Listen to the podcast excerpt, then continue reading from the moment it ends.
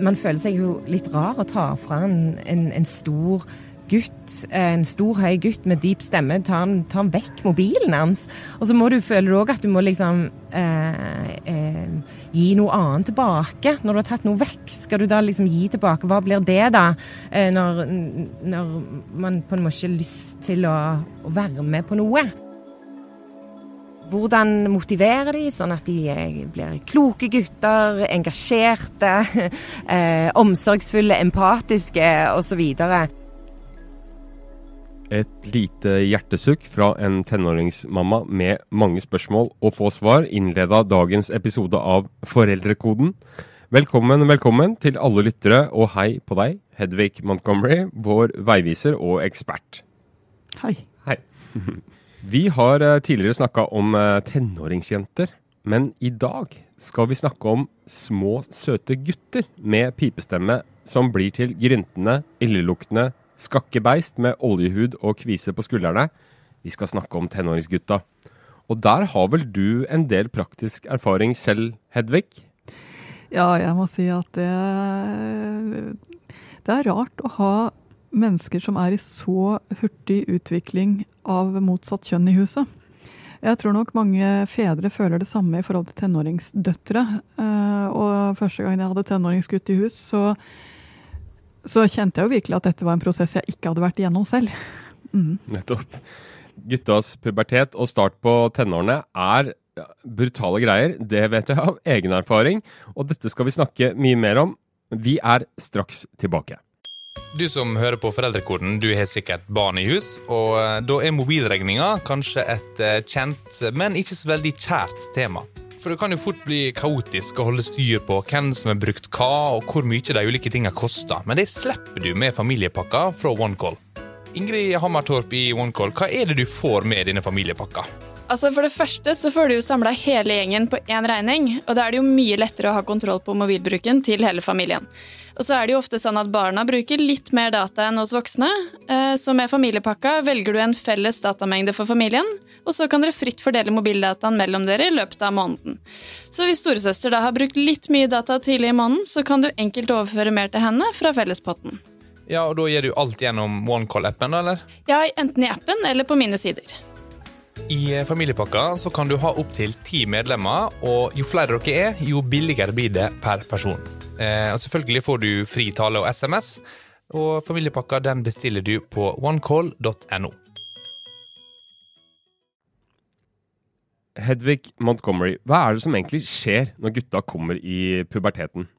Nei, altså Rent biologisk så er det jo en eh, enorm forandring fordi testosteronet skrus på.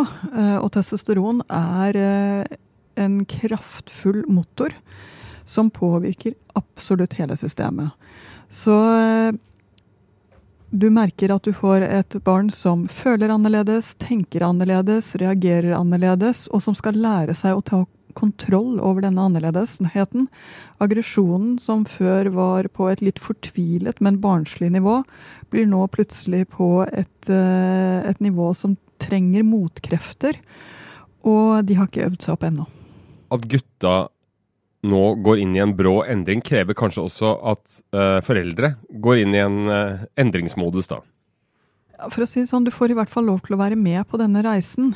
Det er ganske fint. altså Det begynner litt gradvis. At de begynner å se på de eldre gutta. At de begynner å tenke på eh, skjeggvekst og bart. At de begynner å, å, lytte etter om de har kommet i stemmeskifte selv. Det begynner de å gjøre før noen ting av dette skjer.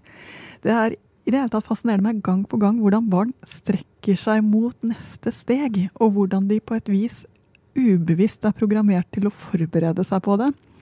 Så når guttene kommer dit, så har de selv visualisert det, de har tenkt litt på det, de har eh, gledet seg litt til eh, at stemmen skal begynne å, sprekke. Men når det faktisk skjer, så er det allikevel helt overrumplende. Fordi plutselig så høres det ut som en annen. Plutselig så ser eh, penis helt annerledes ut. Altså det er så tydelig. Og det å være forberedt på hvor, hvor rart det er å plutselig være i en annens kropp med en annen stemme, det er de ikke så forberedt på. Men alt dette kommer jo med en del eh, komplikasjoner og frustrasjoner. Når sønnen bare vil være på rommet sitt, stenger seg inne i hetta si og stort sett svarer med enstavelsesord. Hva skal man gjøre? Det som er eh, guttene gjør mye for å få tak på seg selv, er nettopp å søke inn i seg selv. Så veldig mange tenåringsgutter, eh, foreldre, opplever akkurat dette. Før de kommer i puberteten, så ser man at guttene gradvis søker mer og mer inn i uh, sin egen lille verden. I min oppvekst så leste de Donald. Nå går de på nettet. Uh, nå spiller de. Men vi ser at de søker til ting hvor de er seg selv med nettopp bare én ting som fòrer fantasien. Og de går ofte ut også av de mest eh, interaktive spillene på nett når de nærmer seg puberteten. Det er akkurat som de søker litt ensomheten. Det gjør de også i forhold til foreldrene sine. Og der blir det enda mer ekstremt når puberteten setter inn. Så det vil si at de kommer hjem, og man har knapt nok rukket å registrere at det eh, går i døra, før de er inne i rommet sitt, og sannsynligvis allerede under dyna. Uh, og når du stikker hodet inn, så er det ikke velkomment. De er ikke noe interessert i å snakke med deg. De er inne i sin egen puppe, rett og slett. Mm. Egen kokong. Mm. Uh, og jeg tror igjen at her skal du være litt smart. Uh, du registrerer da sannsynligvis at nå passer det ikke å snakke. Da er det heller ingen vits i å prøve. Da går du bare inn og sier hei, alt vel? Og så sier du ja, og så ser du at her er det ingenting å hente. Så sier du fint. Eh, det blir middag litt senere, f.eks. Igjen, gi det tid. Eh, når de blir sultne, og de spiser enormt i denne alderen Altså kaloriinntaket er eh, annerledes enn noen gang før, fordi veksten er så stor, rett og slett. Så vær også klar over hvor slitne de blir av å vokse så mye. Når de da kommer ut for å, for å spise litt, gjør det så ålreit som du bare kan. Hei, hvordan har det vært i dag? Hør hva de har å si. Eh, se om det er noen ting de trenger. Ofte så er det noen ting de trenger hjelp til. Og så må jeg også si at etter hvert så merker du. Du merker når de er åpne. Du ser det kommer et lite smil. Når det kommer et lite smil, så er det liksom OK, kobl deg på, vi er i gang. Men ikke press deg på. Ikke forlang noen ting som de ikke er klare for ennå. Eh, og hvor mye skal man presse seg på? Jeg forventer ikke så utrolig mye av, eh, av, denne aldersgruppen her. Jeg gjør ikke det. Men jeg forventer at jeg på et eller annet tidspunkt i løpet av dagen skal klare å ha et ordentlig øyekontakt, og at jeg et eller annet tidspunkt i løpet av dagen skal ha klart å, å få ut i hvert fall en halv setning. Det var jo veldig lavt eh, ambisjonsnivå. da. Jo, men det er et helt realistisk ambisjonsnivå. Eh, og så må jeg si at det kommer bedre tider. Så stikk, altså, man, man, må gi masse space, rett og slett? Må gi mye space, ja. Mm. Men ikke la dem forsvinne helt inn i dataskjermen eller helt inn i, i denne uh, kokongen. Nei, og hva er trikset da? Altså, Når er det man skal liksom skaffe seg disse kontaktflatene eh, overfor noen som eh, utstråler at man absolutt ikke har lyst eh, til det? Ved å være litt sånn som du hadde vært med en venn som har det litt vanskelig. Eh, du sørger for at vennen vet at du fortsatt er der. Og jeg tror nok mange har erfart at det er lettere å tekste enn å snakke i perioder. Eh, så let etter den der lille kommunikasjonstråden. For den kommunikasjonstråden i en periode her kan den være veldig, veldig tynn og da må du, og skjør, og da må du ta godt vare på den. Eh, men sørg for at du ikke kapper av tråden selv ved å si at hvis du gir så lite, så orker jeg ikke å snakke med deg. Det er fort gjort å si den type ting i frustrasjon, og da bryter du den tråden som tenåringen trenger. Veldig mange foreldre oppdager også at i denne fasen her så er den ene forelderen litt mer populær enn den andre. Den ene har denne, litt av denne tråden, den andre har kanskje ingenting. Eh, og da kommer spørsmålet skal han få lov til å velge hvem han snakker med. Skal han få lov til å velge å bare snakke med mamma?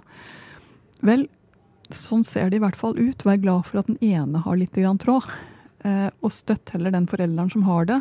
Den andre forelderens tid kommer stort sett. En eh, historie jeg hørte var om en, en venn som fortalte da han var eh, i, i puberteten, så gikk han på andre siden av gata så, i forhold til moren sin når de skulle ut og kjøpe konfirmasjonsdress. Fordi han ville bare ikke liksom være i, i nærheten. Og det kan jo være veldig sårt.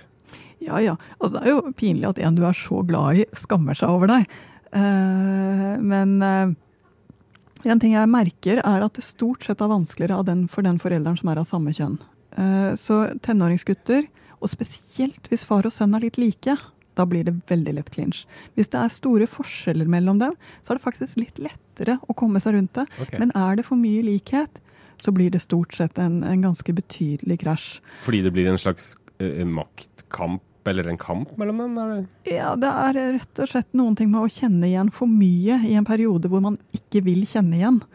Så er du så uheldig at du er litt lik eh, barnet ditt, som kommer til å være fint senere, men da kommer du til å få mer flauhet og mer eh, avstand akkurat nå. Ja, apropos flauhet, hvorfor oppstår den flauheten at de er så flaue for sine egne foreldre, som står dem nærmest, og Kanskje søsken også. Mindre søsken, gjerne. Ja, altså Her kan jeg jo bare spekulere. Eh, men det ene det er at foreldre er Selv om vi syns at vi holder oss godt og er ganske ungdommelige, så syns de at vi er fryktelig gamle og uperfekte. Det er noen ting i ungdommens natur som handler om å søke perfeksjon, og som handler om å søke om noen ting som er bedre. Og da er det ikke foreldrene sine de ser på.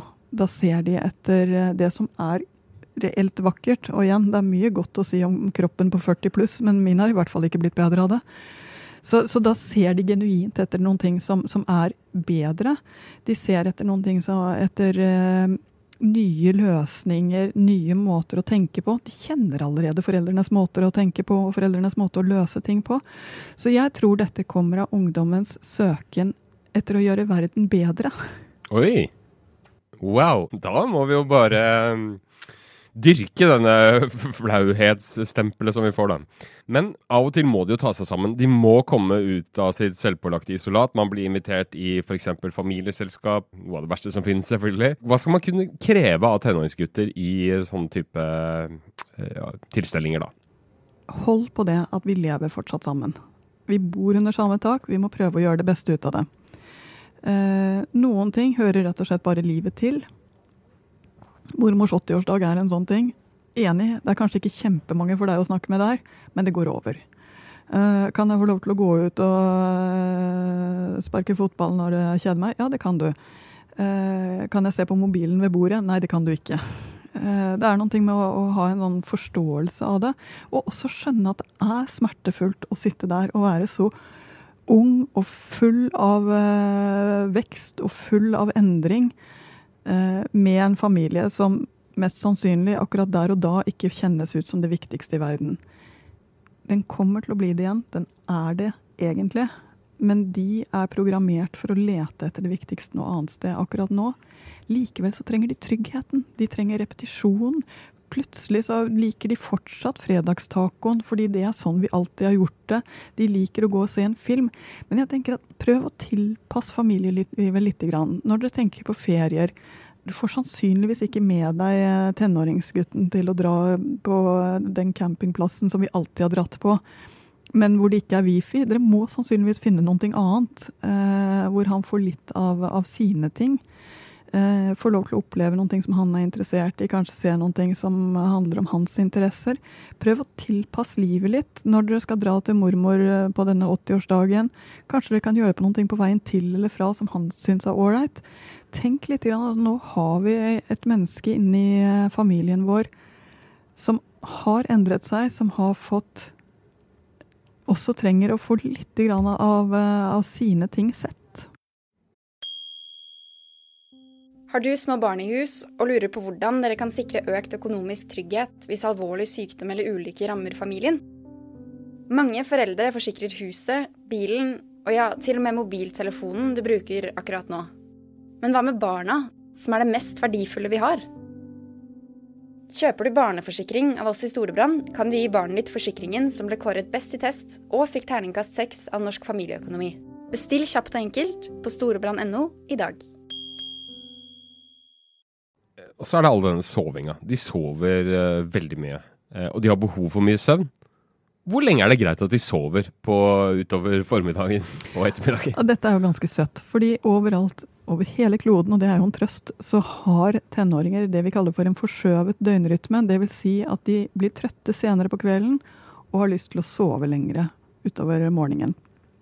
Og det er kanskje, kanskje den minst sjarmerende tingen ved å være forelder. Hvis jeg skulle plukke ut én ting fra min egen foreldrekarriere, så vil jeg si at det å vekke tenåringsbarn er kanskje det jeg syns setter minst pris på selv. Fordi de er så trøtte. Det er som å vekke en død. Uh, og det er også helt riktig, fordi det vi ser, det er at de får mindre uh, drømmesøvn og mer dypsøvn i denne perioden, som igjen henger sammen med at hjernen deres er i en så stor utvikling hvor det slukkes ned forbindelser som ikke brukes. Og det skjer under den dype søvnen. Så hvis du, eh, når du hadde en to-treåring, tenkte jeg kommer aldri til å få sove lenge om morgenen igjen, så får du det nå. Eh, men til gjengjeld så får du den ganske harde jobben å, å få et barn oppe mandag, tirsdag, onsdag, torsdag, fredag, som skal på skolen, og den begynner fortsatt klokken 08.10. Selv om det for dem er helt mot deres indre klokke. Så tenk når du skal vekke eh, en uh, tenåring, at det er omtrent som noen skal vekke deg når du har en skikkelig jetlag etter å ha vært i San Francisco.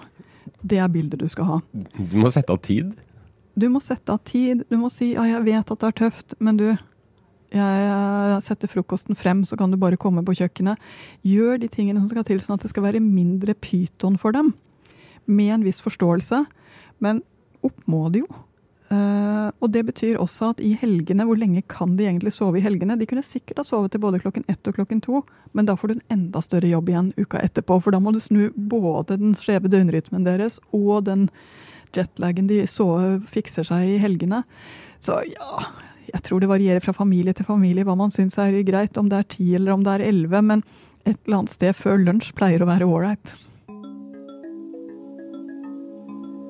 Og akkurat det er vel ikke så vanskelig å være enig i. Men eh, hvis vi løfter blikket litt, så føles vel kanskje likevel ikke søvn og våkentider som den aller største foreldreutfordringa. For eh, livet med tenåringsgutter kan føles både uangripelig og av og til nesten skummelt. Jeg tror veldig mange tenker på liksom, gamingen eller skjermen som en slags sånn veldig sterk magnet da, i hjemmet. Anne er mamma til en 14 år gammel gutt. Vi ba henne sette noen ord på det hun er mest opptatt av. Jeg som veldig mange andre foreldre tror jeg har masse bekymringer i forhold til internettet. I forhold til uh, den uh, bruken av det, i forhold til skjermbruk, i forhold til um, hvor mye man er faktisk sammen, som fysisk. At veldig mange er, har eh, samhold og vennskapene sine på en skjerm. Eh, og så er det jo et, et vell av farer på internett, eller, eh, eller et vell av uh, ugunstig innhold både hva gjelder porno, av uh, høyreekstreme, uh, morsomme vitser som ikke er morsomme. Hvor går gren... Liksom, tenåringer vil jo utforske grenser. Det er jo liksom ligger i deres hva skal jeg si, job description.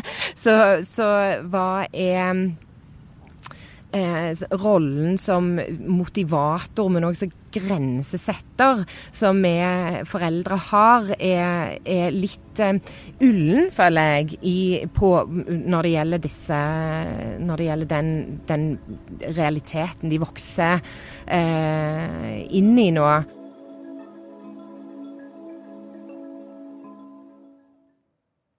Som vi hørte i dette klippet, eh, så er eh, mange foreldre bekymra for det samme når det gjelder tenåringsgutta, og det er all den evinnelige gaminga. Eller skjermbruken generelt, da kanskje. Og, og, i våres så hadde vi en egen episode om gaming, som vi selvfølgelig anbefaler alle om å høre på hvis du ikke har hørt den. Men Hedvig, hvordan skal man løsrive gutta fra skjermen og dette isolatet?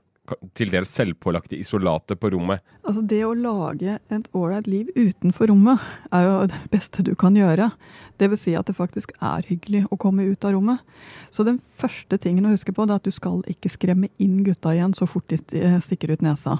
Begynner du med å kjefte og si 'så nå passer det å komme', ja, da, da har du på mange måter eh, Da har du ikke noe sjans. Men hva med 'å, så godt å se deg', er det bedre eller er det verre igjen? Ja, så hvis du ikke gjør det ironisk, men på ekte, så er det bedre. Uh, så finn Gjør rett og slett uh, Finn ut hva de har lyst til å gjøre. Har de lyst til å spille bordtennis, spill bordtennis. Har de lyst til å uh, dra ut og se på reptiler, dra ut og se på reptiler. Det er noen ting med å lete litt etter Hva er det for noen ting som de har lyst til å koble seg på her ute, og være litt på tilbudssiden der? Uh, og det andre, det er uh,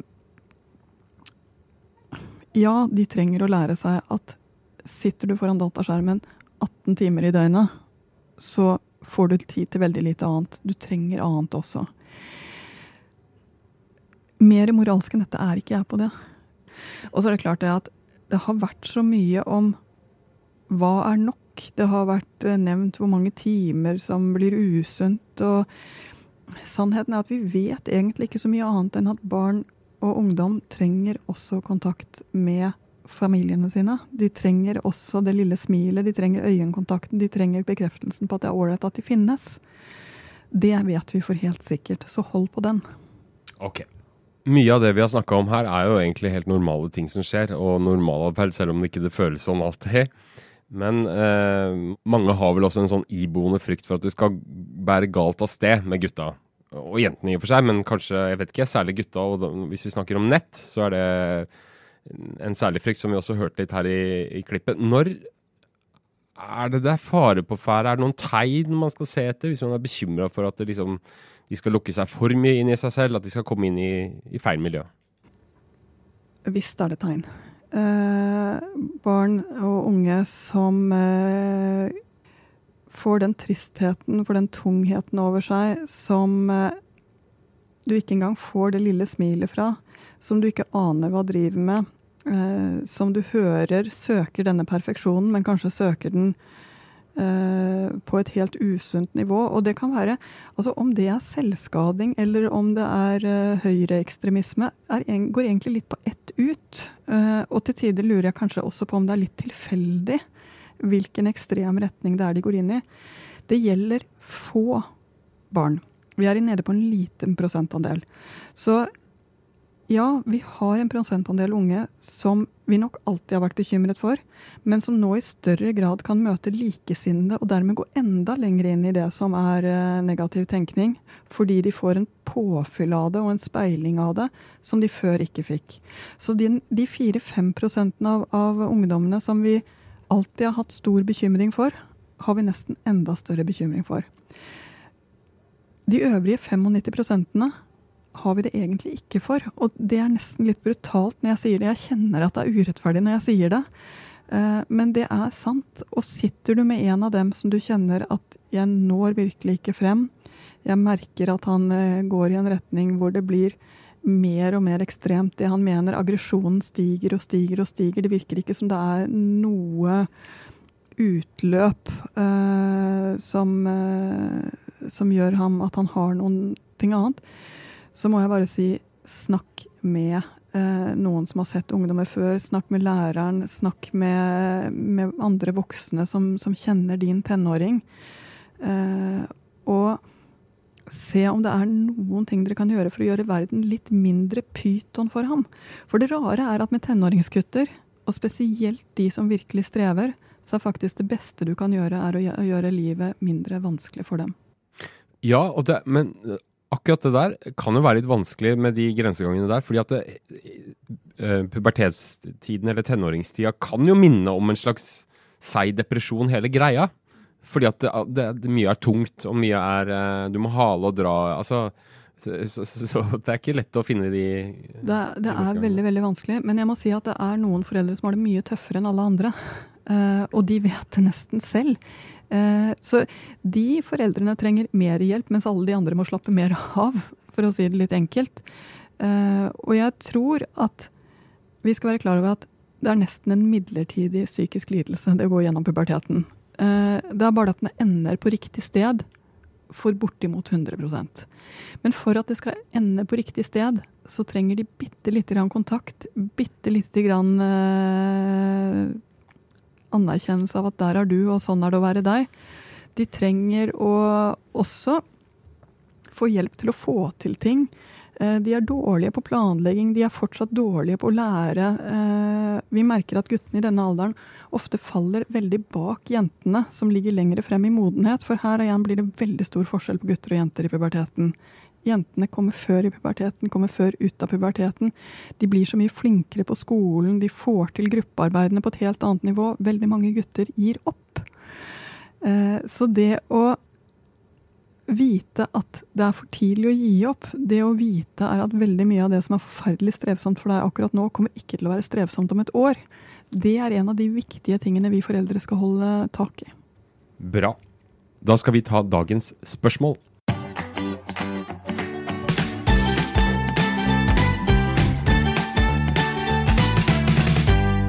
Av medlemmene, eller vennene som vi kanskje kan kalle dem, i Facebook-gruppa vår spør om følgende.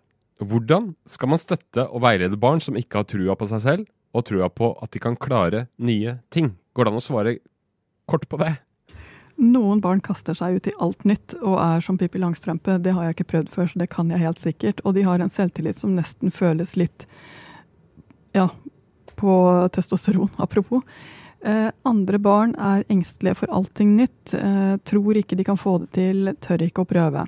Tør de ikke å prøve, så er det faktisk å oppmuntre til å prøve og feile. Vise hvordan læringen skjer gjennom at du gjør igjen og igjen. Vise at ah, du kunne jo ikke det heller, men kom deg dit. Eh, skjønne at det er tungt å gå i gang med noe som du er helt sikker på at du ikke skal få til. Tenke hvordan det er når du selv sitter der med et nytt dataprogram og tenker åh, nå er vi pålagt dette også på jobben. Du kommer dit at du får det til, og du får det bare til på én en eneste måte ved å gjøre det. Så del den kunnskapen, og vit at det disse barna mangler, er kunnskap om hvordan man lærer. De kan ikke lære ennå. Eh, og det viser du dem rett og slett ved å la dem få læringen få lov til å vokse seg til. Skjer bare i tålmodighet, skjer bare i trygghet. Kjefter du, så mister du dem. Men sier du åh, jeg vet, kjennes fælt ut å begynne med noe nytt. Men du, prøv. Bra. Da skal vi runde av dagens eh, sending. Eh, Hedvig Montgomery, vi har snakka om tenåringsgutter. Og hvis du skal trekke fram tre tips til, til alle foreldre eh, til tenåringsgutter, hva er det viktigste? Prøv å se at det fortsatt er et ålreit menneske der, eh, som akkurat nå er igjennom en transformasjonsfase. Eh, prøv å fortsatt ha det gøy sammen. Prøv å fortsatt finne noen ting som gjør at dere kan le sammen. Latteren er den raskeste veien til å eh, føle seg litt ålreit, både for ham og for deg. Eh, og ikke gi opp. Det er en fase som igjen er med på å gjøre barnet ditt helt til seg selv. Hva skal man absolutt ikke gjøre? Hva er tabben? Å kutte den skjøre kontakten som er der. Og si at er det sånn det skal være, så gidder jeg ikke. Flott. Da lar vi det være siste ord i dagens episode. Takk for at du hørte på. Håper du fikk noen råd du kan bruke. Det er jeg nesten helt sikker på at du fikk. Vi høres igjen. Ha en fin dag, uke osv. Ha det.